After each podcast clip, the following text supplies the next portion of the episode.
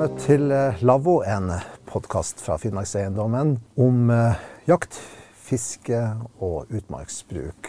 Og i dag særlig om laksen. Og med meg til å snakke om den har jeg mine faste kompanjonger. Det er Lars Kremping. Han er friluftslærer på Alta folkehøgskole, som vi også samarbeider med når det gjelder denne podkasten. Og så er det Marit eh, Mikkelsdatter Eira Myrud. Bakgrunn fra reindrifta. Har skrevet bøker om samisk tradisjonskunnskap. Og så er det også kollega Einar Asbjørnsen, leder for Utmark i FFO, og undertegnede Robert Greiner. Laks og denne tida her nå, kan du beskrive den, Einar, fra et forvalterståsted? Ja, laksen har jo, så lenge det har vært mennesker i Finnmark, vært eh, veldig viktig. Og laksen er den eneste ferskvannsfisken som vi ser på helleristningene i Alta.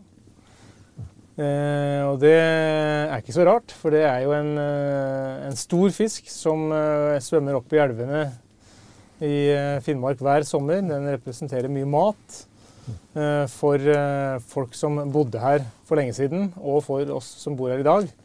Så det er slett ikke rart. I et litt større perspektiv så kan vi si at Norge står i en særstilling når det gjelder den atlantiske laksen. Er, Norge er et veldig viktig eh, land i så måte. Og der igjen så er Finnmark den viktigste regionen for laks i Norge. 20% av den laksen som fanges i Norge, fanges i Finnmark. Eh, og det er eh, av det som skjer på stang. Og I tillegg så har vi et viktig sjølaksefiske. Så hvert år, eller siste årene nå, så fanges omtrent 200 tonn eh, laks i Finnmark. Så det er en stor ressurs.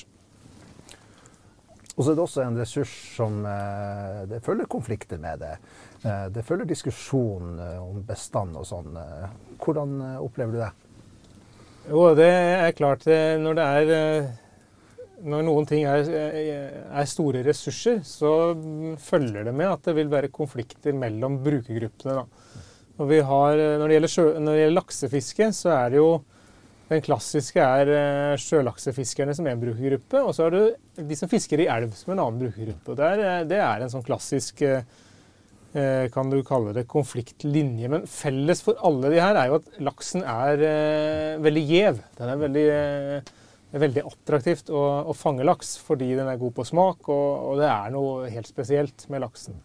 Og når man nå er i, vi er i juni måned, og eh, de som fisker eh, i sjøen, de eh, har begynt å få litt fangster. Det er jo Miljødirektoratet setter ganske strenge rammer for utøvelsen av sjølaksefiske, slik at det er kraftige begrensninger i hvor lenge de får fiske.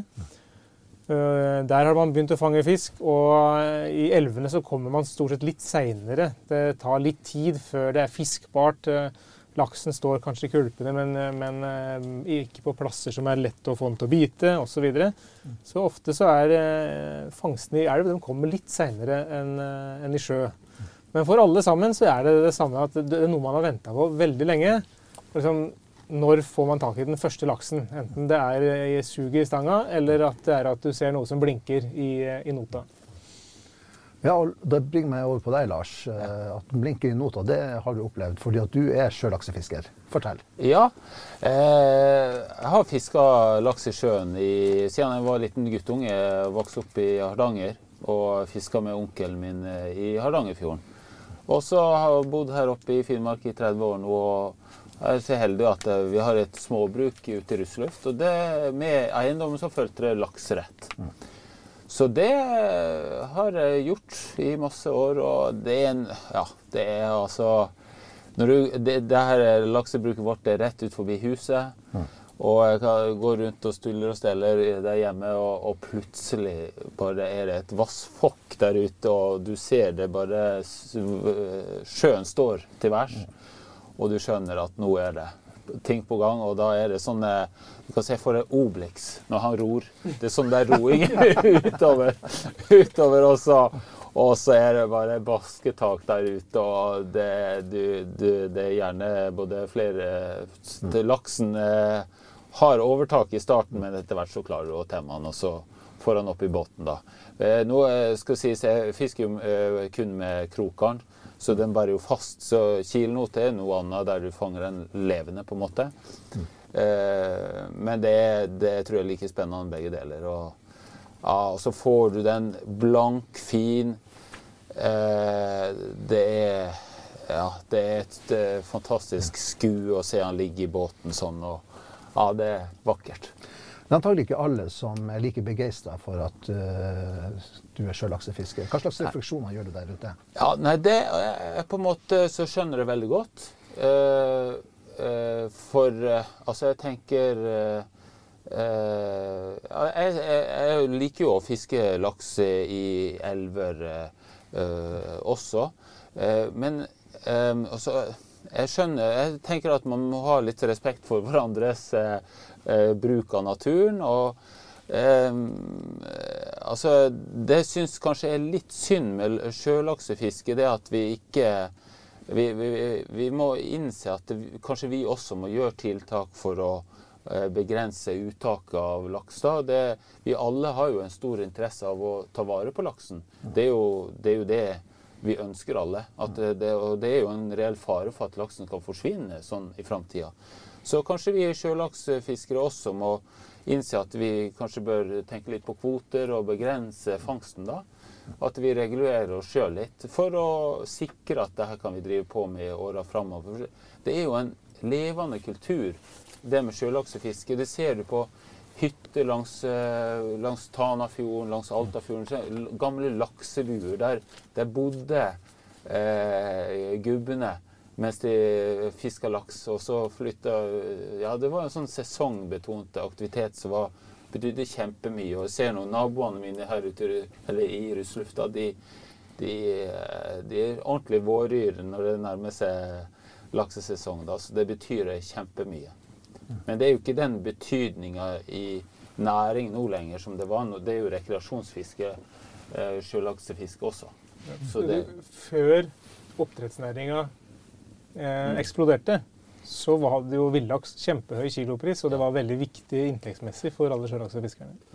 Men i dag så er det på mange måter Det bildet er endra altså kraftig. Hvordan eh, kan man beskrive finnmarkingen sitt eh, forhold til laksen? Ja, det kan jo være mye forskjellig. Vi Fefo har eh, samarbeid med mange forpaktende foreninger. Og når det gjelder laksefiske, så er det et, en aktivitet som vi har forpakta bort da, i stor grad til lokale foreninger og lag. Og det sier jo litt om engasjementet. Og vi ser at vi har eh, forpaktningsavtaler som går tilbake til 30-tallet. 1930-tallet, så det har vært en, en stor interesse for kjempelenge. Eh, og et eh, ordentlig brennende engasjement ser vi blant alle de som forpakter elvene rundt omkring i fylket. Um, vi forvalter jo ikke laksen i Tana og ikke i Alta og ikke i Neiden. Da de har egne forskrifter, Tana og Neiden fordi de er grensevassdrag, og Alta fordi man har egne bestemmelser der. Men alle andre vassdrag der vi har eiendom i Finnmark, og det er jo egentlig alle, så er det vi som har fiskeretten. Og så har vi forpakta bort da til ca. 30 forskjellige foreninger og lag. Og jeg tror jo eh, altså eh, Laksen i Finnmark er ikke bare viktig for oss i Finnmark, men eh, det er jo drømmen for veldig mange sørpå for å, å komme opp hit. Det, det, tror jeg har fått høydepunkt ja, for veldig mange laksefiskere i Norge. Å komme endelig få seg Finnmarks, årets, årets Finnmarkstur og få fiske litt laks i Finnmark, det tror jeg er et høydepunkt for veldig mange rundt mm. omkring i Norge. Ja, for vi har jo opplevd det at Hva skal vi si veldig kapitalsterke folk tar mm. kontakt. Mm. Og nær sagt eh, ber oss om å holde av ei elv eller en del av en elv. Mm. Og hva får de til svar da?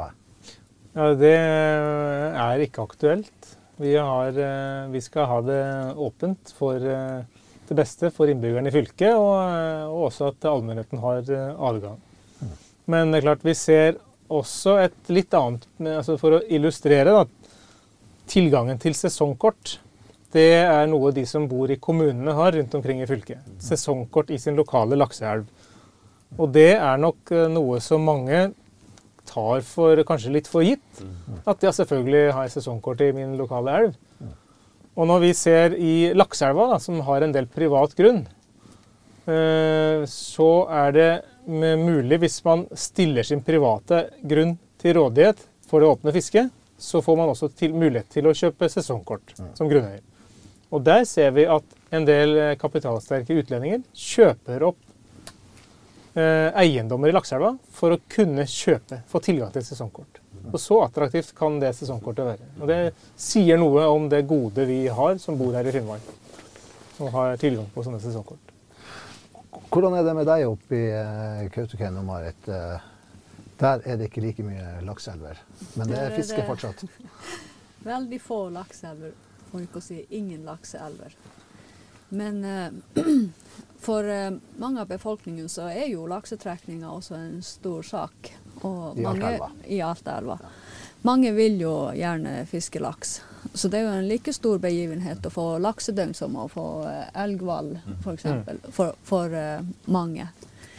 Men selve Kautokeino så er det jo veldig lite med det. Men vi har jo andre typer fisk. Vi har jo sik og gjedde, ørret, røye, i kommunen. Og, og eh, sikfiske har jo vært en stor, og er til dels en, en, en eh, stor matauk. Og det skjer med not? Det skjer med not hvis du skal ha større kvanta. Ja. ja. Så da er det jo Man har jo forberedt seg på våren. Og før, før um, firehjulingens tid så måtte du jo frakte alt utstyr allerede mens det var, mens det var reinsledeføre så frakta du utstyr bort til vannet og lagra det der. Alle hadde jo sine egne vann. Og om du ikke hadde et helt vann som du på en måte eide, i så hadde du et varp i, i, det vannet, eller flere varp i det vannet som du disponerte. Ja. Og, og, der kunne du være sikker på at der kom ikke noen andre og fiska. Så der lagra du utstyr, og så på sommeren så um, kunne man jo ta seg dit og holdt på med notfiske da i Kunne være borte i flere uker. Og da var det salting og lagring og, av fisk for vinteren. Mange solgte jo fisken utover vinteren. Mm. Og så har vi vært gjennom uh, ulike typer fiske, men stengselfiske, ja. hva er det å si om det? Der driver man jo også og forbereder seg gjennom våren til stengselsfiske. Og da må man gjerne hogge påler og Eh, fikse garn. Og, og før med, i bomullsgarnens tid så måtte du jo farge garnet for at ikke det skulle være for hvitt. Men da er det å ordne garn, og så med en gang isen går, så vil man sette ut et stengsel ganske nært inntil, vann, inntil land. Og utover, da, utover våren, når det blir litt mindre vann i elva, så flytter du stengselet litt lenger ut. Og sånn kan man holde på mm. helt, helt til man har fått den fisken man skal ha. Mm. Det er et fiske som i, så vidt jeg kjenner til, da, kun foregår i Tanavassdraget. Det var vel stengselsfiske i Altaelva også i andre elver før, men mm. Eh, det, i dag er det nok I dag er det vel kun der. Ja. Nei, man brukte vel alle metoder før i tida. Man skulle jo ja, ja. ha mat. Mm. Mm. Er det vanskelig å se for seg at uh, vi vil få noen Vi har vært litt inne på det, at vi, vi må regne med noen sånne store, kanskje prinsipielle diskusjoner om hvordan vi skal forvalte laksene fremover. Og er det, hvem er det naturlig å tenke på da skal gi seg først? Blir det Lars med garnet, eller er det fritidsfiskeren? Jeg tror kanskje de som føler seg mest trua, er, er sjølaksefiskerne. Mm. Jeg tror det Jeg innbiller meg det. Nå er jeg ikke så ivrig sjølaksefisker, altså. Men eh, liksom, det senser meg litt at eh, de, eh, de er ikke like kraftige i, i, diskusjonen og mange nok og store nok, på en måte. Så jeg tror de føler seg ja, litt sånn eh, trua på den måten. Altså at det, det, om ti år kanskje ikke vi har Det er kanskje ikke lov å fiske eh, sjølaks eh, lenger. Altså det er veldig få, det er vel et par, hund, par hundre eh, sjølaksefiskere. Det kan sikkert du hjelpe til eh, mer på, Einar? Ja, vi har ca. 250 sjølaksefiskere på FeFo-grunn. Og kanskje like mange på privatgrunn, så eh, vi snakker en 400-500 sjølaksefiskere. Så det er en liten gruppe. eh, noe av nøkkelen kanskje i eh, den problemstillingen der, da, det ligger jo i det med begrepet blanda bestander.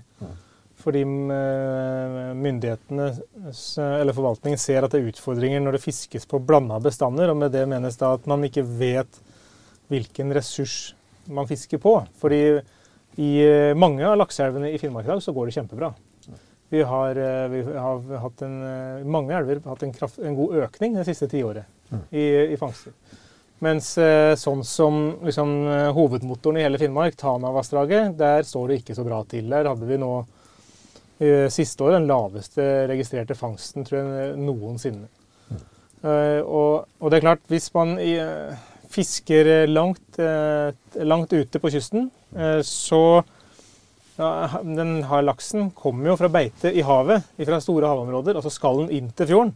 Og jo nærmere munningen på elva du fisker, jo, jo mer sikker er du på at du fisker på den laksen som skal opp i en elv.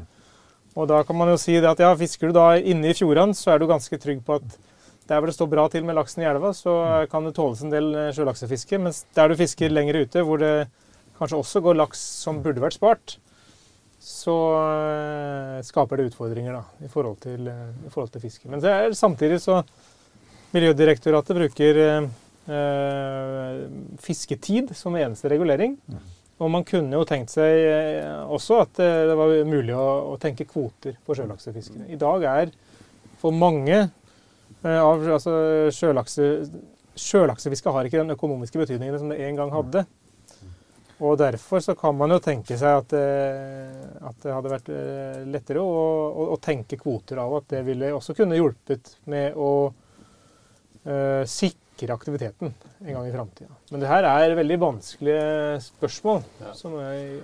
Og så er vi også inne på et aspekt her med, med, med Finnmarksloven, at den også være en, en, en lov som på en måte ivaretar det hva skal jeg si, kulturelle. ja. Eh, og hvis, det, hvis sjølaksefiske er en kultur eh, satt opp mot eh, sportsfiske Ja. eh, ja.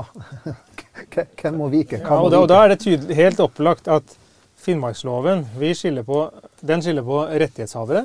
Mm. Og det er eh, kommunens innbyggere. De har rett til å fiske etter laks eh, med garn i sjøen. Under visse kriterier som eh, vi stiller. Og det samme gjelder eh, bosatte i fylket. De har rett til å fiske med stang og snøre i vann og vassdrag. Mens tilreisende, de har adgang. Så da vil det være naturlig at du, hvis det skal krympes på høsting av en ressurs, at du først krymper på den gruppen som har adgang, og ikke de som har rettigheter. Nei, jeg tror, jeg tror sjølaksefiskfolka gjør veldig lurt i å egentlig øh, begrense seg sjøl litt. Eh, og kanskje får... de burde tatt initiativet til å kvoteregulere øh, regulere på en eller annen måte. For det er jo, som vi snakka om eh, eh, her en dag, eh, at det, eh, det er vel faktisk sjølaksefiske som er en av de virkelig få utøverne som ikke har noen begrensning i uttak, altså i kvoter. Eller, Mm. og, og eh, det er jo litt eh, synd at det skal være sånn. Så det Altså, vi burde så det, kan være en utfordring til Jeg tenker- Vi har, ja, vi har jo hatt et, eh, kan du si, et paradigmeskifte innenfor eh, elvefiske. Mm. For eh, to tiår siden så var det uhørt at sesongkortfiskerne skulle ha en sesongkvote. Mm. Mens det ble innført på tidlig 2000-tallet. Jeg tror de begynte her i Lakseelva, og så har andre elver kommet etter. Og i dag er det helt vanlig at du har en sesongkvote på to, tre, fire, fem Mm. Laks. Mm. Eh, litt varierende ut fra hva slags laks det er snakk om, storlaks eller smålaks. Men at det er en kvote. Og først til bytta det kom, så var det veldig stor hei, og etter hvert så syns de aller fleste det er greit. Hvilket uh, gjør at jeg får lyst til at vi skal begynne å snakke om hva man har med seg på uh, fisketuren. eh.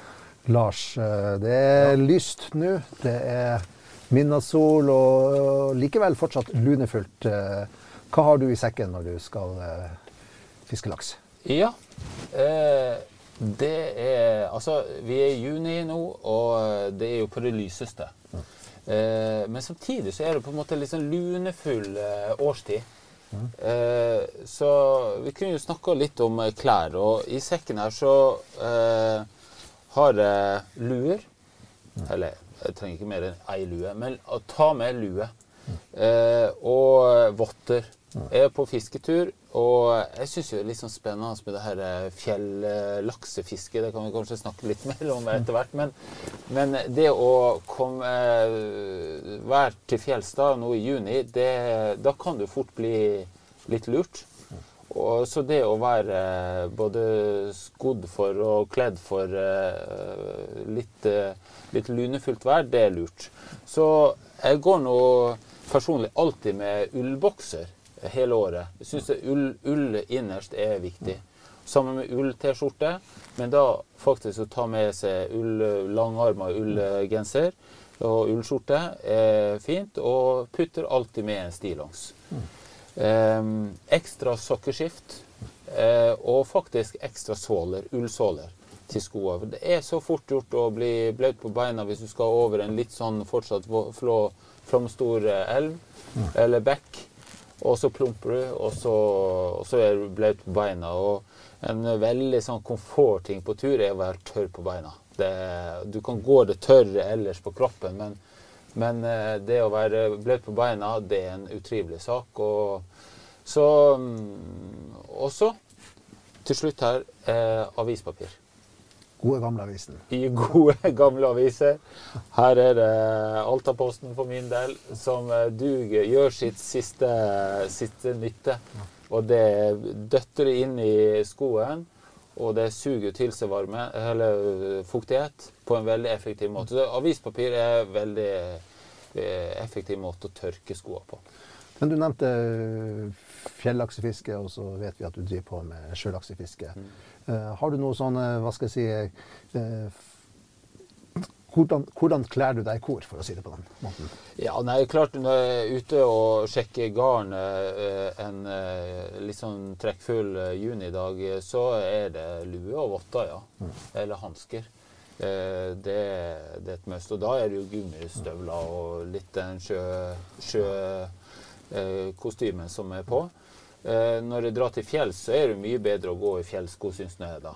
Så da er det fjellsko. Gjerne litt høye fjellsko, sånn at man, eh, man kan vade litt. Men det er fort gjort å, å bikke over. Altså, så det, den avisa, den er viktig, altså.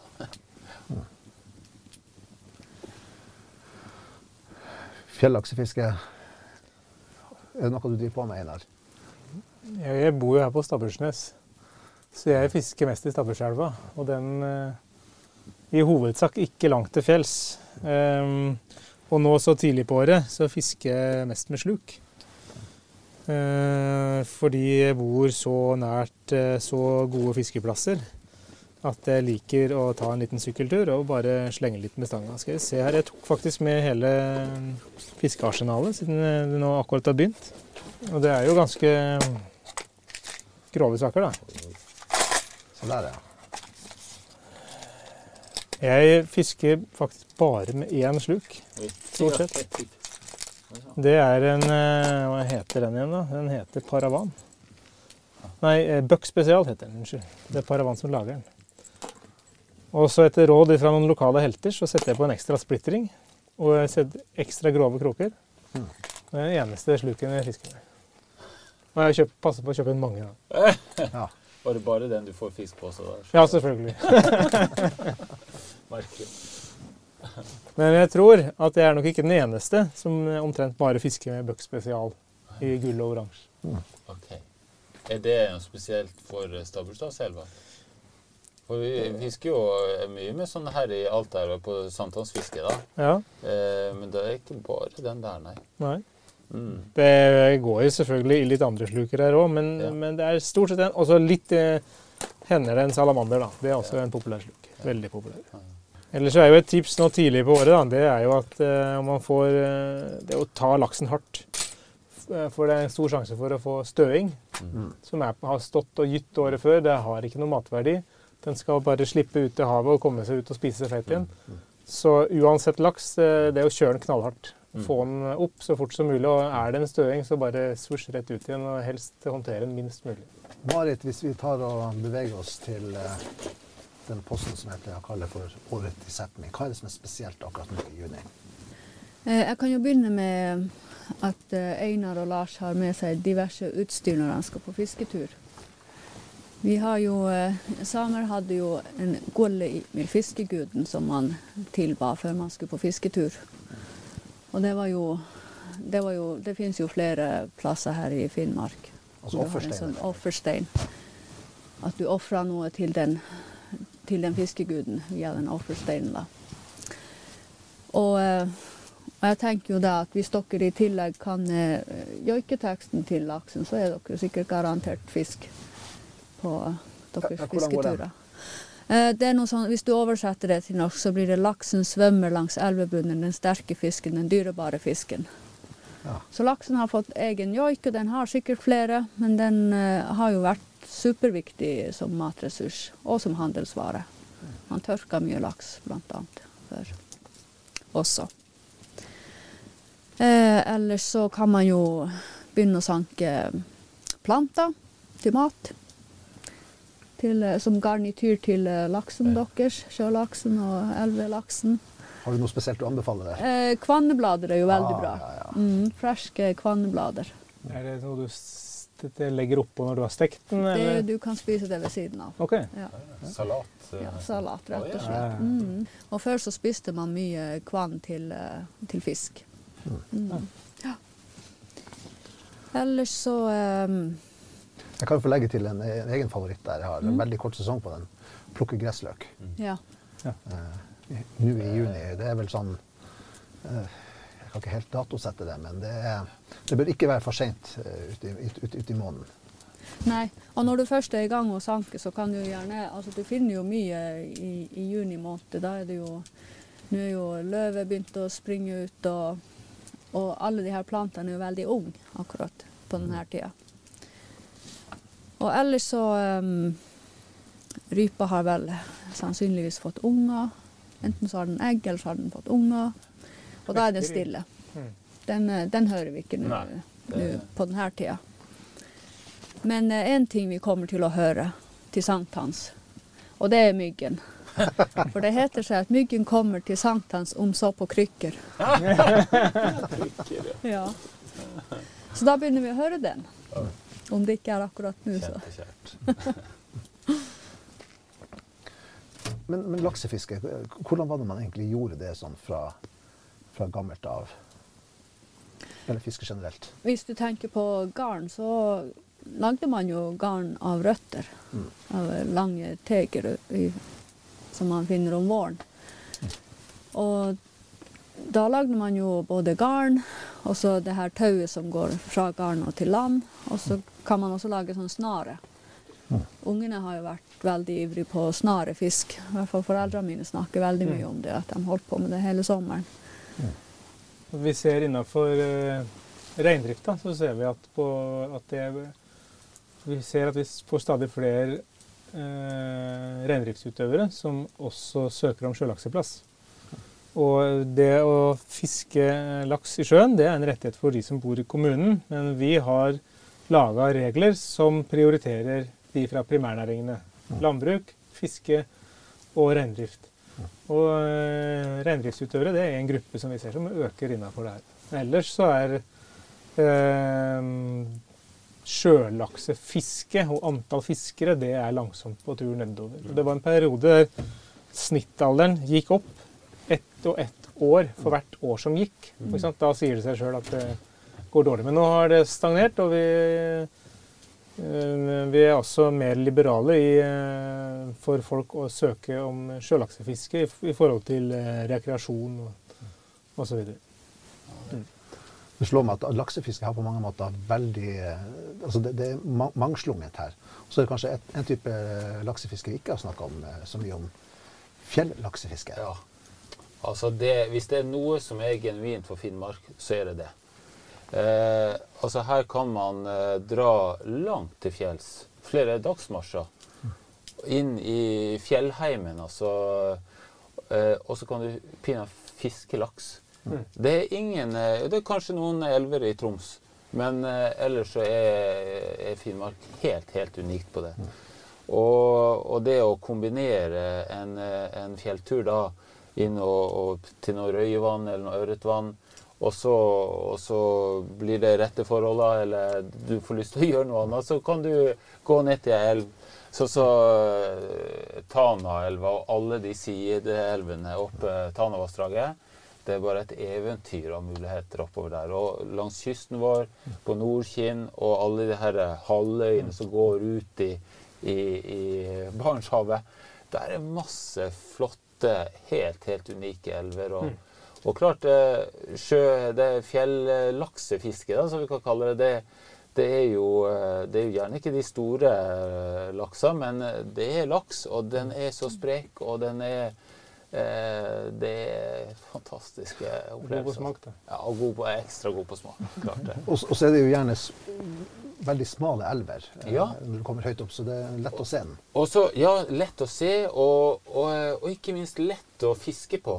Eh, sånn som for min del er jeg ikke noe hardbarka fluefisker, men, men ta med seg en en stang og bare vippe flua uti bak en stein, altså kanskje bare et par meter foran deg, og der kan du ha ja, en fantastisk opplevelse. eller fiske litt med makk og med spinner. Du kan liksom Det, det så, føles så på en måte fritt i forhold til å fiske stor lakseelv der det der det er båter, og det er mye mer sånn regler, på en mm. måte. Men ja, regler er det jo i det her Du må jo ha fiskekort og uh, alt i boks for å fiske i de her uh, fjellelvene òg. Men, men selve fisket føles mye mer sånn fritt da, i forhold til at du er kanskje aleine, og du trenger ikke gå, stå i kø mm. for mm. å komme til en kulp. og Det er ordentlig villmarksopplevelse. da. Kanskje en ting som jeg, jeg sjøl kan huske med, med, det, det er det at uh, du får uh, god tid til å studere laksen uh, og hvordan den kan bevege seg. jeg husker spesielt et sted hvor det ikke var så veldig mye strøm. og jeg fikk på en måte se laksen på en måte som jeg ikke får sett den ellers. Altså. Nei, nei. veldig, veldig stor opplevelse, egentlig. Ja. Og så er det jo også litt interessant at en del av det her er jo naturgitt. Mm. Og en del av det er skapt av oss mennesker ved at eh, forvaltningen da på 50-, 60-, 70-tallet gjerne ville ha mer laks i elvene. Mm. Og for å få til det, så bygde de laksetrapper. Mm. Og det gjorde jo at laksen spredde seg innover i områder hvor den ikke var naturlig. og da mm. eh, Det har gjort at vi har fått økt eh, produksjonsområde for laks. Mm. Og samtidig så har den jo fortrengt da en, mange områder stedeggen ørret. Og det, det, er jo litt sånn et tosidig ja. sverd, akkurat det. da. Det det. Ja. Nei, men det, det, er et eh, fantastisk turtips, altså. Ta en eh, tur eh, til ei fjellakselv. Det, det, det, er fine opplevelser. Mm. Da er vi kanskje der at uh, vi er egentlig ganske sånn sprekkferdige til å fære ut og ja. fiske etter laks i sjø, i elv og til fjells. Så vil jeg bare minne om at uh, likte du denne podkasten her, så går det fullt an å abonnere på den, eller eventuelt trykke follow, alt ettersom hva slags uh, plattform du bruker. Og uh, følg oss gjerne også på Facebook eh, og Instagram. Har du tips eller et eller annet du vil spørre oss om, eh, ta gjerne kontakt i, i kommentarfeltet. Så skal vi prøve å serve dere etter eh, beste evne. Og eh, da er det ikke noe mer enn å si at eh, skittfiske, gutta og jenter. Ja, skittfiske. Og, ja, og god tur.